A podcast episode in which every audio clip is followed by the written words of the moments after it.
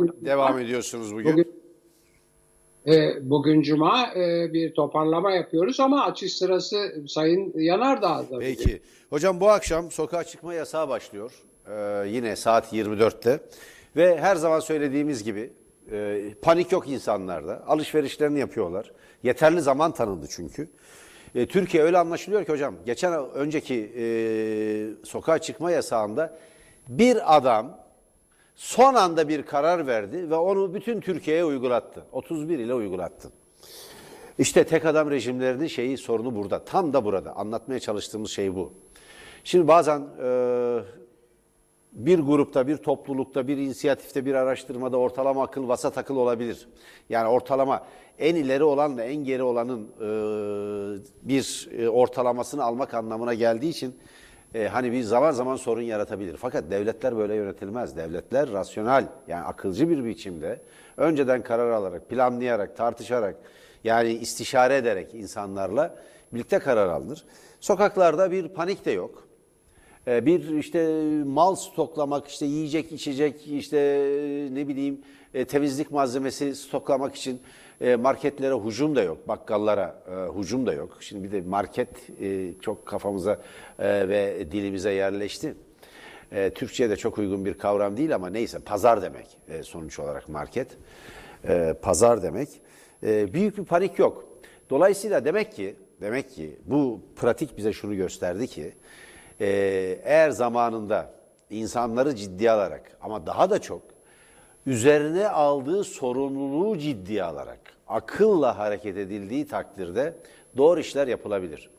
Hafta sonu sokağa çıkma yasağı ki bu gece 24'ten itibaren başlayacak. Ee, evet bir önlemdir ve yapılmasına hiçbir itirazım yok fakat bunun yetersiz olduğunu, doğru olmadığını düşünüyorum yine de. Nedeni de şu, çünkü pazartesi insanlar sokağa çıkacak ve çalışmaya devam edecek. Bugün hocam onun üzerinde duralım. İbrahim Kalın ekonomik nedenlerle, ekonomik nedenlerle sokağa çıkma yasağını hafta içinde uygulayamayız. Çünkü büyük bir gelir kaybına uğrarız dedi. Ekonomi kaybeder dedi. Söylediği söz bu. Valla çok e, bunun e, bir itiraf olduğunu düşünüyorum. Çok açık olarak şunu söylemek mümkün ki bu sözler Türkiye'de fonların, kamu varlıklarının yağmalandığını, ya bir anlamda gereksiz yere, boş yere harcandığını, başka yatırımlara yönlendirildiğini gösteriyor. Harıl harıl sokağa çıkma yasağı varken cami inşaatlarını serbest bırakmak gibi. Zaten dünyadaki en çok cami Türkiye'de var. Şimdi değerli seyirciler, kimse camiye karşı değil. İnsanlar ibadetlerini yapabilmek için uygun mekan, mekanlara, bu arada camilere ihtiyaçları var. Ama Türkiye'de yeterli cami var. İran gibi bir İslam Cumhuriyeti ki yüz ölçümü Türkiye'den çok fazla. 1 milyon kilometre karenin üzerinde toprağa sahip ve nüfusu Türkiye kadar. Türkiye'deki cami sayısının yarısı kadar bile değil İran'daki cami sayısı. Ya dünyanın en çok camisine sahip olan bir ülke haline getiriyorsunuz. Ama bu inşaatta çalışanlar sokağa çıkma yasağından muaf. Büyük inşaatlar diyorlar bunlara. Geçelim onu. İşsizlik fonunun yağmalandığı yani başka yerlere harcandığı diyelim. Hadi daha düzelterek e, bu kavramları e, ifade edelim. E, daha da kibarlaştıralım. Kabul edilebilir hale getirelim. E, iktidar e, mercilerinin e, dilini kullanarak ifade edelim. Bunların başka yerlere harcandığı, amacına uygun kullanılmadığı, müteahhitlere harcandığı, verildiği, betona gömüldüğü ortaya çıkıyor. Tek sebep şu değerli seyirciler. Sizin yaşamınız, sizin yaşamınız bunların parasından daha önemsiz. Ortaya çıkan tablo bu. Özü bu. Özü bu. Çünkü bu milletin biriktirdiği her şeyi harcadılar. Her şeyi imha ettiler. Şimdi Yeşilköy Havalanı'nda pistlerin parçalanmasının anlamı nedir? Hocam e, şimdi düşünülebilir ki ya bu akılsızlık denilebilir, plansızlık denilebilir. Şimdi Yeşilköy Havalimanı'nda hazır binalar var. Yapacağınız tek şey şudur. Binalar ki çok iyi binalardır. Bomboş. Oradaki bütün e, ofisler boşaltılmış durumda. Paravanlarla ayırmak ya da alçıpanlarla bölümler yaparak oraları yatakhaneye, yoğun bakım, yani yatan hasta bölümleri, yoğun bakım üniteleri, tedavi, ön tedavi, teşhis bölümleri haline getirmeniz çok mümkünken pisleri parçalayarak Değerli seyirciler, sizin bizim hepimizin vergilerinden kesilen paralarla milyar dolara yapılan pisler Atatürk Havalimanı'nda Yeşilköy'de milyar dolara yapılan pisleri parçalıyorlar. Nedeni şu. Nedeni şu.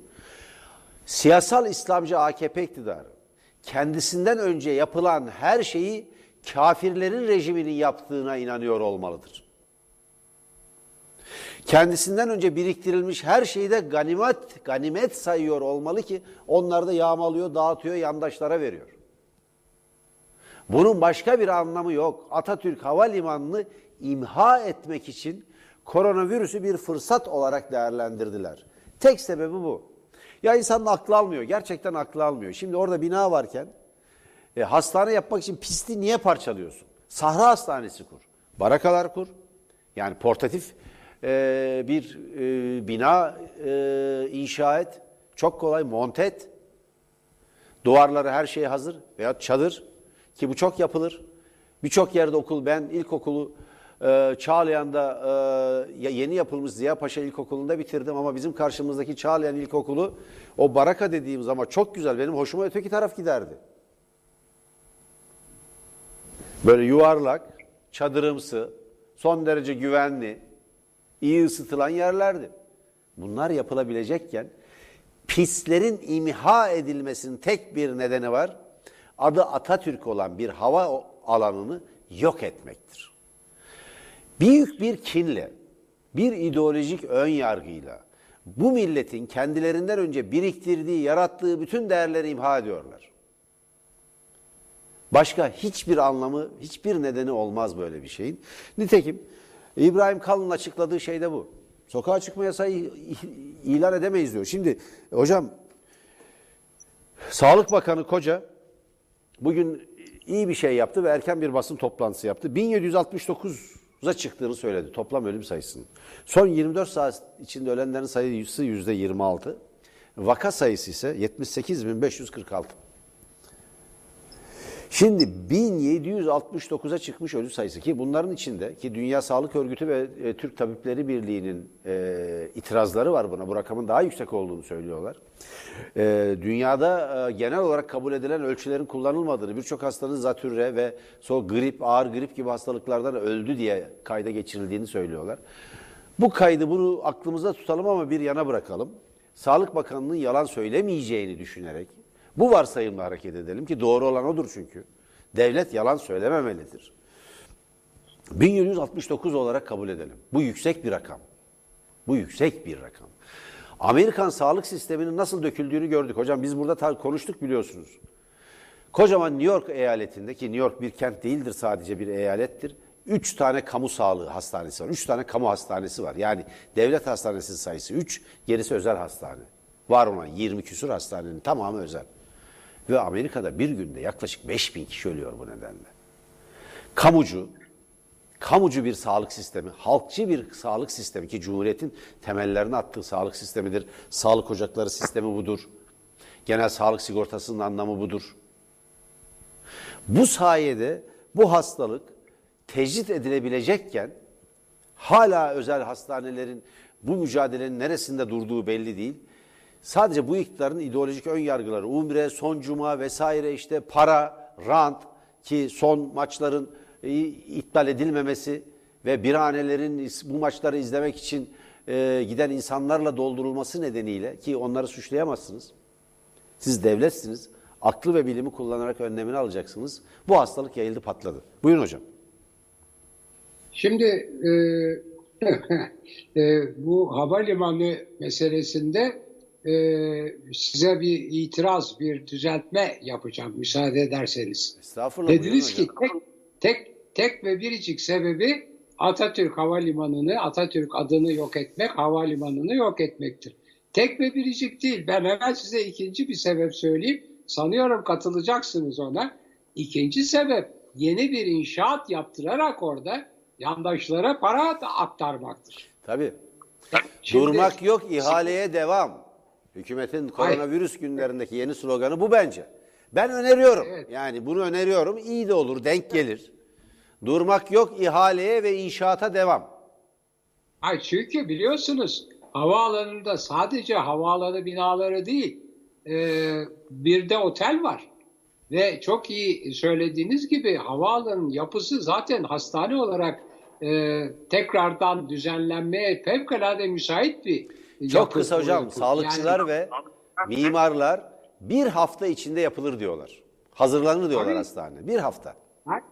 Ama işte onun onun e, yatırıma harcanan para yani e, hem yandaşa aktaracaksınız hem de oradan başka kimler nemalanacaksa o da bir ayrı konu. Başkaları da nemalanacak. Sanıyorum yani böyle ikili bir şey var orada. Bir yandan Atatürk adını, Atatürk Havalimanı'nı yok sayıyor, yok ediyor. E, Çok özür dileyerek var. hocam bir yanlış anlamaya yol açmasın. Bir cümle söyleyeceğim size bırakıyorum yine. Yani İbrahim Kalın'ın kendi ağzından ifade edelim. Şimdi e, Cumhurbaşkanlığı Sözcüsü İbrahim Kalın binlerce insanın hayatını kurtarabilecek e, karantina uygulamasının işletilmemesini ekonomik nedenlere bağladı dedik. Tam lafı şu hocam. Evet. Tam şunu söylüyor. Diyor ki eko- karantina süreci ekonomik maliyeti yüksek olduğu için işletilmedi. Bir daha söylüyorum. Karantina süreci ekonomik maliyeti yüksek olduğu için işletilmedi. Halkın sağlığını arayacak paramız yok diyor. Evet, Çalışın kazanın açık. diyor. Hayır hayır. İsterseniz Başka hasta olun şey diyor. söylüyor. Hayır, bence şunu söylüyor. Bence şunu söylüyor. Ekonominin işlemesi, kapitalizmin sömürüsünün devamı o kadar önemli ki kapitalist sistemin Türkiye'deki egemen olan e, emeği sömüren sistemin zengini daha zengin, yoksulu daha yoksul yapan sistemin işlemesi, durmaması insan hayatından daha önemli diyor. Yani esas anlamı bu onun. Evet, aynen aynı, aynı anlayışı aynı anlayışı Trump'ta da görüyoruz. Trump şimdi yırtınıyor. Bir an evvel ekonomiyi açayım, tekrardan işleyişe başlatayım diye e, valiler, politikacılar yani oradaki eyalet başkanları, valiler, politikacılar, muhalefet lideri ve uzmanlar buna karşı çıkıyorlar. Diyorlar ki ya daha bu e, Amerika'da e, koronavirüsün nasıl bir süreç izlediği, nasıl ne biçimde e, engelleneceğine ilişkin yeterli veri yok elimizde. Yeterli test de yapmadık. Yeterli sorunla da karşılaşmadık. Bu, bu, bu seviyede bu da ekonomi tekrardan işleyişe e, döndürülemez diyorlar. E, Trump da bastırıyor. Yani şu arada son iki gündür Amerika'daki kavga bu. Türkiye'de tabii hiç e, artık böyle bir ciddi bir muhalefet veya hatta uzmanların da görüşleri e, dikkate alınmadığı, zaten çok fazla konuşan da susturulduğu için e, bu bu görüşler yansımıyor tabii. Ve, ve tabii görüşler yansımayınca kendileri söylüyorlar. Yani aynen mesela Dışişleri Bakanı diyor ki bizim ihtiyacımız olduğu halde bize gerekli malzemeleri e, bilmem kaç ülkeye, e, 30 küsür ülkeye galiba e, yolladık yardım için diyor. Yani, yani insan bu kadar büyük hata, yani o yapılan hata bunun ifadesi ve bununla övünmek daha büyük hata. Yani bizim gerek duyduğumuz malzemeleri diyor e, yardım diye yolladık. Millet e, o, o yani bir, iki aynı şey şimdi İbrahim Kalın'ın açıklamasında da var. Yani çok net olarak e, ekonominin durmasının e, maliyetini e, daha önemli görüyor insan hayatından. Şimdi bakın e, bakarsanız zaten bölük pörçük tedbirler genel tedbiri almanın en kötü seçeneğidir. Ne yapıyorlar? Önce 65 yaş üstünü yasakladılar. 7,5 milyon kişi. Ondan sonra 0-20 yaş arasını yasakladılar. 33,5 milyon kişi ama onların da bir bölümüne çalışanlara izin verdiler. Dolayısıyla oradaki tam bir karantinada söz konusu değil. Derken 31 kentten söz ediyorum tabii artı Zonguldak'tan. Derken hafta sonları hafta sonları karantina getirdiler. Şimdi millet ta Amerika'dan bana espriler geliyor. Ya sizin koronavirüs galiba sadece hafta sonları çalışıyor. Hafta hafta hafta içi çalışmıyor. Ne biçim bir koronavirüs bu diye e, bu millet dalga geçiyor. Şimdi dolayısıyla yani hem karantinayı uygulamayacaksın hem de kamuoyunu ve kendi halkını ve belki kendini de belki kendini de canım biz çok güzel bir iş yapıyoruz. Hem ekonomiyi durdurmuyoruz hem halkımızı koruyoruz. Nasıl koruyoruz? Hafta sonlarını yasaklıyoruz. Efendim 20 yaş altını ve 65 üstünü yasaklıyoruz diye kendini de tatmin edeceksin. Böylece denge. Denge olmaz efendim bu işlerde. Bu işin azı çoğu yoktur. Bu işte bu işte ya tümüyle karantinayı uygularsın ya da böyle bölük ölçük önlemlerle hiçbir işe yaramaz. Şimdi göreceksiniz, göreceksiniz bu geçen haftaki yanlışın sonuçları 10 gün içinde ortaya çıkacak. Yani bunun çıkmaması mümkün değil. Tabii sayılarla bunları saklayabilirler ama gerçekler hiçbir zaman öyle uzun süre e, yok sayılmaz, yok edilemez. E, bu açıdan e, bence hem İbrahim Kalın'ın açıklaması hem Atatürk Havalimanı'na yeni bir hastanenin yapılıyor olması çok amaçlı e, hem geçmiş dönemin Atatürk Türkiye'sinin, Cumhuriyet Türkiye'sinin tasfiyesini e, hedefliyor. Hem de kendilerini iktidarda tutacak olan e, gelir paylaşımının, servet paylaşımının daha sürdürülmesi yani kapitalist düzenin, emperyalist neoliberal düzenin ve yoksulu daha yoksul yapan, e, zengini daha zengin yapan bir biçimde sürdürülmesi. Şimdi burada diskin önerileri var. Yani hiç hiç kimse onlardan söz etmiyor. Abi işçilerin nelerle karşılaştığı meselesi var. Şimdi burada siz camilere atıf yaparak söylediniz. Bütün bu yasaklarda, hafta sonu yasaklarında büyük inşaatlar diye bir söz var. Büyük inşaatlar tabii o beş kardeşin yaptığı inşaatlar. Sadece cami inşaatı değil. Ya bilemiyorum şu anda ne var ne yok. Çünkü zaten bu iktidarın en önemli özelliği şeffaf olmaması. Yani gizlice karar alıyorlar, yasaları gizlice hazırlıyorlar. Paldır küldür getiriyorlar. İşte af yasası, örtülü af yasası oldu, af yasasında olduğu gibi ve yıldırım hızıyla geçiriyorlar, uygulamaya koyuyorlar. Yani işte yersen. Şimdi bu bir tek husus var. Baş, e, e, Sağlık Bakanı'nın haklı olduğu bir tek husus var. Onu da Atatürk'e ve Türkiye Cumhuriyeti'ne efendim işte e, kendilerinden önceki e, tıp e, uzmanlarına e, ki onlar e, Hıfzı Sağ Enstitüsü'nü kuranlar, Türkiye'de sosyal tıbbı başlatanlar, e, Refik Saydamlar, Nusret Fişekler borçlular. O da nedir? Türkiye'deki sağlık sisteminin hala tahrip edilememiş olmasıdır. Yani hastayı müşteri haline getiren, hastayı müşteri olarak gören bir sistem getirmiş olmalarına rağmen Türkiye'deki sağlık sistemi tahrip edilemedi. Şehir hastaneleri gibi hem işletmesi doğru olmayan hem sağlık hizmeti açısından o kadar büyük artık şeylerden vazgeçilmiş, büyük sayılı hastanelerden, yataklı hastanelerden vazgeçilmiş bir dönemde yeniden bunların gündeme getirilmesi gibi yanlışlara rağmen sağlık sistemi çökmedi. O açıdan Türkiye gerçekten Amerika'nın bir defa çok önünde de Avrupa'nın bile önünde gerçekten o açıdan Türkiye Cumhuriyeti'ne, Cumhuriyet Türkiye'sine, efendim işte e, Refik Saydanlara, Nusret Fişekler'e e, bizden önceki ve Bülent Ecevit gibi sosyal demokrat uygulamalara, uygulama yapanlara teşekkür borçluyuz. Bakan orada haklıdır. Evet. Şimdi hocam bugün birkaç e, önemli haber var. Hafta sonu, hafta içindeki haberleri ayrıntılı değerlendirdik. Şimdi bir Ercüment Ovalı var, profesör doktor. Önemli bir bilim insanıdır. Bilirim, tanırım kendisini, gıyaben de olsa. Ergenekon davalarından yargılanmış bir bilim insanıdır. Şimdi bu hastalıkta e, etkili olduğunu belirttiği bir ilacın, e, ilacı keşfettiklerini demeyelim de e, bir ilacı öneriyor. O ilaç üzerinde çalışmalar yapıldığını belirtiyor. Fransa'nın ve Almanya'nın da aynı alanda çalışmaları olduğu biliniyor. Yani koronayı biraz konuşursak eğer, e, insanlar artık e, şunu merak ediyorlar. Ne zaman normal hayata döneceğiz? Ben çok kısa sürede normal hayata dönemeyeceğimizi, dünyanın ve Türkiye'nin bambaşka bir düzleme doğru e, sürüklendiğini, gittiğini ve yeni döneme alışmak gerektiğini düşünüyorum. E, koronavirüs e, belası atlatılabilir. Yani AKP iktidarına ve e, bugünkü sağlık uygulamalarına ve İbrahim Kalın'a rağmen bu hastalık yenilebilir. E, ama dünyanın eski dünya olmayacağı açık. İşte Çin'in Wuhan eyaletindeki bir e, pazar yerinden e, çıkan bir virüsün dünyayı ne hale getirdiği ortada.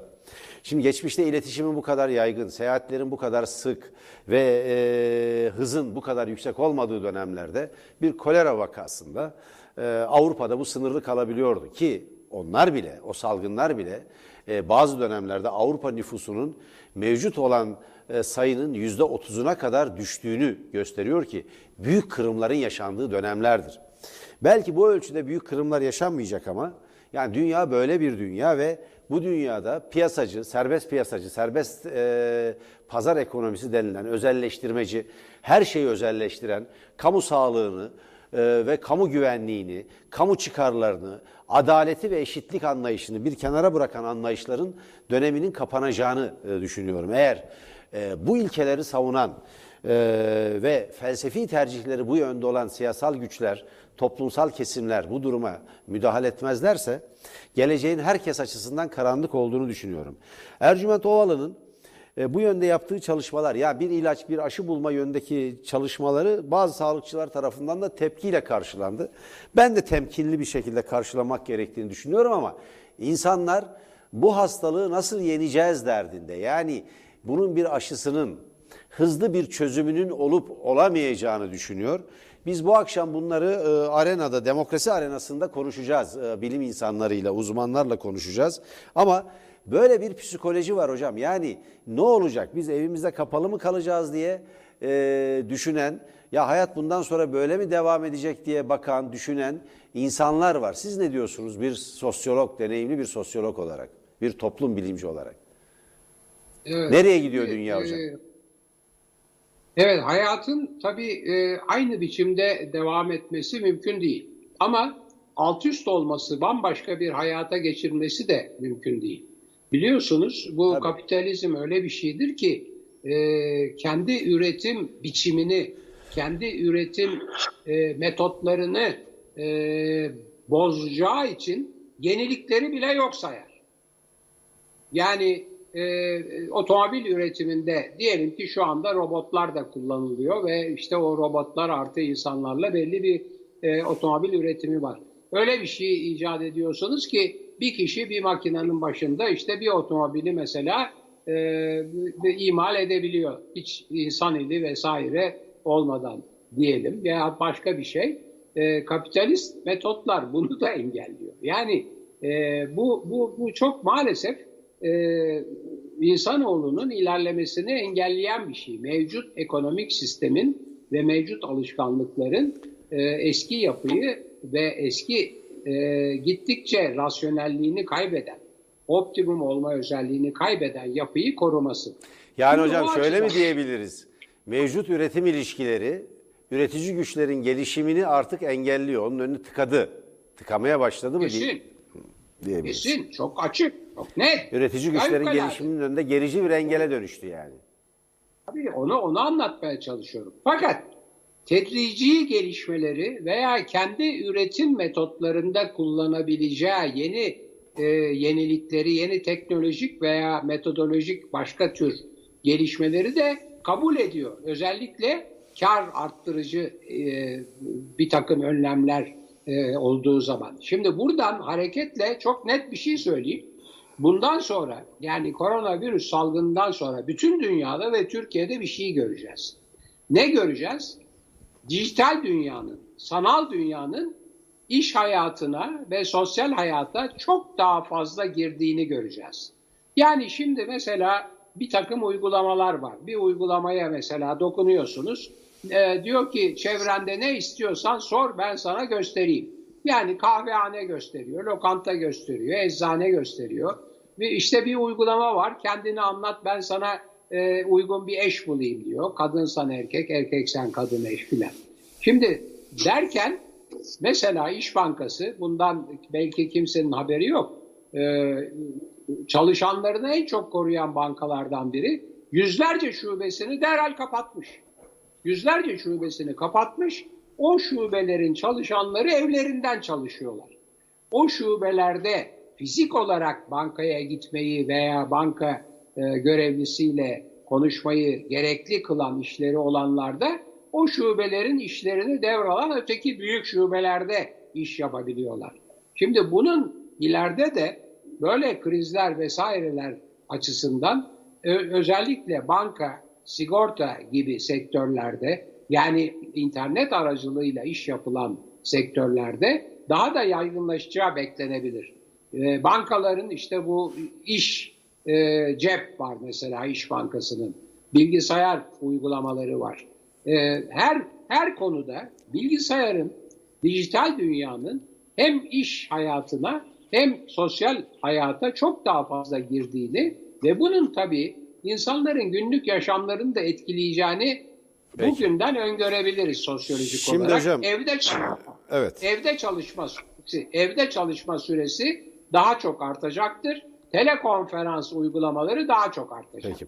Şimdi hocam Ercüment Ovalı'nın ilacının e, etkili olup olmadığı herhalde bilim insanları tarafından, üniversiteler tarafından tartışılacak. Zaten kendisi de bir üniversitede bu araştırmayı yapıyor. E, ilgili üniversite, Yeditepe Üniversitesi e, Tıp Fakültesi de bu konuya ilişkin bir basın toplantısı düzenleyeceklerini ilan etmiş durumda. Ama bu arada hafta sonuna girerken e, belediye hizmetlerini AKP iktidarının engellemek için elinden geleni yaptığını görüyoruz. İki büyük kentin İstanbul ve Ankara'nın belediye başkanları hakkında soruşturma açılmış durumda. Şimdi soruşturma sebepleri de belli efendim. Yardım kampanyası düzenlemişler. Ya millete yardım etmenin, bunun için bir kampanya e, düzenlemenin nasıl bir suç olduğunu birisi e, bu insanlara, bu millete anlatmak e, zorundadır. Şimdi akıllara durgunluk verecek bir e, tabloyla karşı karşıyayız. Şimdi koronavirüs salgın sonrası başlatılan bağış kampanyası, sözünü ettiğimiz bağış kampanyası ki bugün e, Ekrem İmamoğlu bir e, Sözcü gazetesinde kendisiyle yapılan röportajda e, 900 bin lirasına belediyenin el konduğunu iktidar tarafından söyledi, bloke edilerek el konulduğunu söyledi. Ee, ve Ankara Büyükşehir Belediye Başkanı Yavaş hakkında yine aynı nedenle e, soruşturma başlatılmış. Diğer yandan Diyanet İşleri Başkanlığı da Cumhuriyet Halk Partisi Grup Başkan Vekili Engin Altay ve e, İstanbul Tabip Odası'ndan Doktor Hakan Hekimoğlu hakkında suç duyurusunda bulunmuş. Neden bulunmuş biliyor musunuz hocam? Sebebi şu. Hayır. Umre'den gelenleri denetimsiz bir şekilde Türkiye'ye soktukları bir karantina uygulamasını engelledikleri için eleştiren birisi İstanbul Tabip Odası'ndan bir hekim yönetici görevlilerden birisi. Diğer ise ana muhalefet partisinin grup başkan vekili. Bunu söyledi diye. Şimdi Diyanet İşleri Başkanlığı'nın nasıl politikleştiğini, iktidarın bir aygıtı haline nasıl geldiğini, yani Cumhuriyet'in bir Diyanet İşleri Kurulu, Cumhuriyet'in bir kurumu olmaktan çıkıp bir siyasi partinin oyu giderek düşen, daralan, azalan bir siyasi partinin bir aygıtı haline geldiğinin en temel işaretlerinden biridir diye e, değerlendirmek gerekir. Üstelik de dün de konuştuk. İktidar belediye içinde belediye kurmaya çalışıyor. Belediyelerin hafta sonunda halka hizmet etmesini engellemek için vefa ekipleri kurmuşlar. Vefa değil bu millete vefasızlıktan başka bir anlamı yok. Vefa gösterecekseniz milletin iradesine göstereceksiniz. Belediyeler Türkiye Cumhuriyeti Devleti'nin en temel yerel aygıtları ve kurumlarıdır. Belediyelerin çalışmalarını engellemek yerine merkezi iktidarın yapacağı şey yerel yönetimlerin çalışmalarını kolaylaştırmak, onların halka hizmet etmesini teşvik etmek, finansmanlarını sağlamaktır. Evet. Şimdi benim bu konuda e, en çok beni kaygılandıran e, olay, e, en çok kaygılandıran hatta korkutan olay bütün e, bu başkanlık rejiminde, tek kişi rejiminde o tek kişiye bağlı olan bütün devlet kurumlarının ve bütün onun uzantıları olan uygulayıcıların adalet mekanizmasını bir sopa olarak kullanmaya başlamasıdır. Beni korkutan şey bu. Dikkat edilirse Rütük gibi adalet mekanizması dışında olan BDDK gibi adalet mekanizması dışında olan aslında Birisi e, bankacılık sistemini, birisi işte televizyonları ve radyoları denetlemek için kurulmuş kamu kuruluşları olan bir takım düzenleyici kuruluşlar da bunlara katılarak bir nevi bir adalet e, mekanizması insanların tepesinde bir sopa olarak kullanılıyor. Dikkat edin yapıyor ne yapıyor? E, suç duyurusunda bulunuyor. Kim bulunuyor? Diyanet İşleri Başkanlığı. Kim bulunuyor? BDDK. Ee, Rütük daha da felaket tabii. O kendisi ceza veriyor filan. Şimdi bu, bu beni fevkalade rahatsız ediyor ve korkutuyor. Çünkü biliyoruz ki benim bütün savcılara ve yargıçlara olan inancımla ki hala o inancımı koruyorum. Her şeye rağmen de koruyacağım herhalde. Ee, ama herkes biliyor ki e, AKP'nin il ve ilçe teşkilatlarından bine aşkın kişi savcı ve yargıç olarak atandı. Şimdi siz de söylemiştiniz yargılandığınız bir davada e, yargıcı nasıl gördüğünüzü, nasıl tarafgir olabileceğini düşündüğünüzü. Şimdi bu tabii fevkalade tehlikeli bir şey. Hocam Bana söyleyeyim öyle ben. geliyor Ergenekon davasından yargılanırken Mehmet Ali Pekgüzel'e siz cemaatin savcısı mısınız, cumhuriyetin savcısı mısınız diye sordum. Benim hakkımda suç duyurusunda bulundu. Suç duyurusu keşke gerçekleşmiş olsaydı mahkemede hesaplaşsaydık onunla. Mahkeme suç duyurusunu kayda geçirmedi. Böyledir. Şimdi ama o işte siz burada Tutuklu. e, program O tutuklu. Şimdi Terör örgütü şey üyesi şu. olmaktan tutuklu. Evet, şimdi söyleyeceğim şey şu. Bütün tek kişi yönetimlerinde dal kavukların ve kraldan çok kralcıların aşırılıklarını görürüz. Şimdi adalet mekanizmasının kendi emirlerinde olduğunu düşünen, kendilerine yardımcı ve destek olacağını düşünen kraldan çok kralcılar ve dal kavuklar herkese saldırmaya başladılar. Evet. Şimdi seni şikayet ederim, şimdi seni mahkemeye veririm vesaire. Ben Diyanet'in de bu son tavrını o şekilde değerlendiriyorum ve Diyanet'in tavrından çok adalet mekanizmasına yönelik bir e, genel güvensizliğin, kendilerinin güveni çünkü genel güvensizliği yansıtıyor, e, bir ifadesi olarak görüyorum ve çok korkuyorum. Hocam e, şimdi Rütü'nün bize kestiği ceza yani Tele1, e, Halk TV, Fox ve Global Global TV'ye kestiği ceza e, kamuoyunda ve dünyada da büyük bir tartışmaya yol açtı aslında. Şimdi bugün dünya basınını bir parça bu konuda taramaya çalıştım. Yani Voice of America'dan, Amerika'nın sesinden Avrupa'daki çeşitli meslek kuruluşlarına ve onların yayın organlarına kadar her yerde haber haline getirilmiş durumda. Türkiye'de yük- e, radyo televizyon üst kurulu basın özgürlüğünün, ifade özgürlüğünün anayasa tarafından güvence altına alınmış basın ve ifade özgürlüğünün önünde bir engel olmaya başladı. Bu özgürlüğü tehdit eden bir kuruma dönüştü. Yani Tele1'e üst üste verilen ve giderek sistematik hale gelen, gözdağı vermeye dönüşen e, cezaların anlamı bu. Ama her zaman olduğu gibi hocam toplumun bize verdiği destek, izleyicilerimizin bize verdiği destek, halkın bize verdiği destek çok yüksek ve çok değerli. Birkaç seyircimizin adını e, izin verirseniz okuyarak, adını anarak programı kapatalım. Yani e, Maksude Hanım çok teşekkür ediyoruz kendisine. Mehmet Bey'e, Levent Bey'e, Şennur Hanım'a, Perihan Hanım'a, Ümit Bey'e, Cemile Hanım'a, Bora Bey'e, Bora Tekin Bey'e, Bora ve Tekin Bey'e, Rona Bey'e, Tülün Hanım'a, Galip Bey'e çok teşekkür ediyoruz. E, Sayın Yılmaz Taş'a çok teşekkür ediyoruz. Sayın Öke'ye çok teşekkür ediyoruz. Necdet Bey'e, Gökçe Hanım'a çok teşekkür ediyoruz. Şengül Hanım'a, Özgül Hanım'a çok teşekkür ediyoruz. Nesrin Nevim Hanım'a, Ali Bey'e çok çok teşekkür ediyoruz. Adını sayamadığımız yüzlerce ama yüzlerce seyircimiz var. Bize ulaşan, destek olan, dayanışmasını ileten, manevi destek veren bu dayanışma dalgası büyüdükçe biz bu engelleri teker teker aşacağız. Herkese ben buradan sevgilerimi sunuyorum.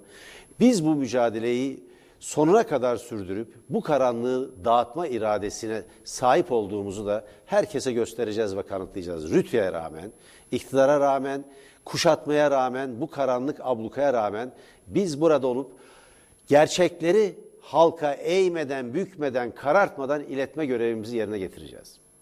Hoşçakalın. Hoşça kalın, sağlığınıza ve haysiyetinize sahip çıkın.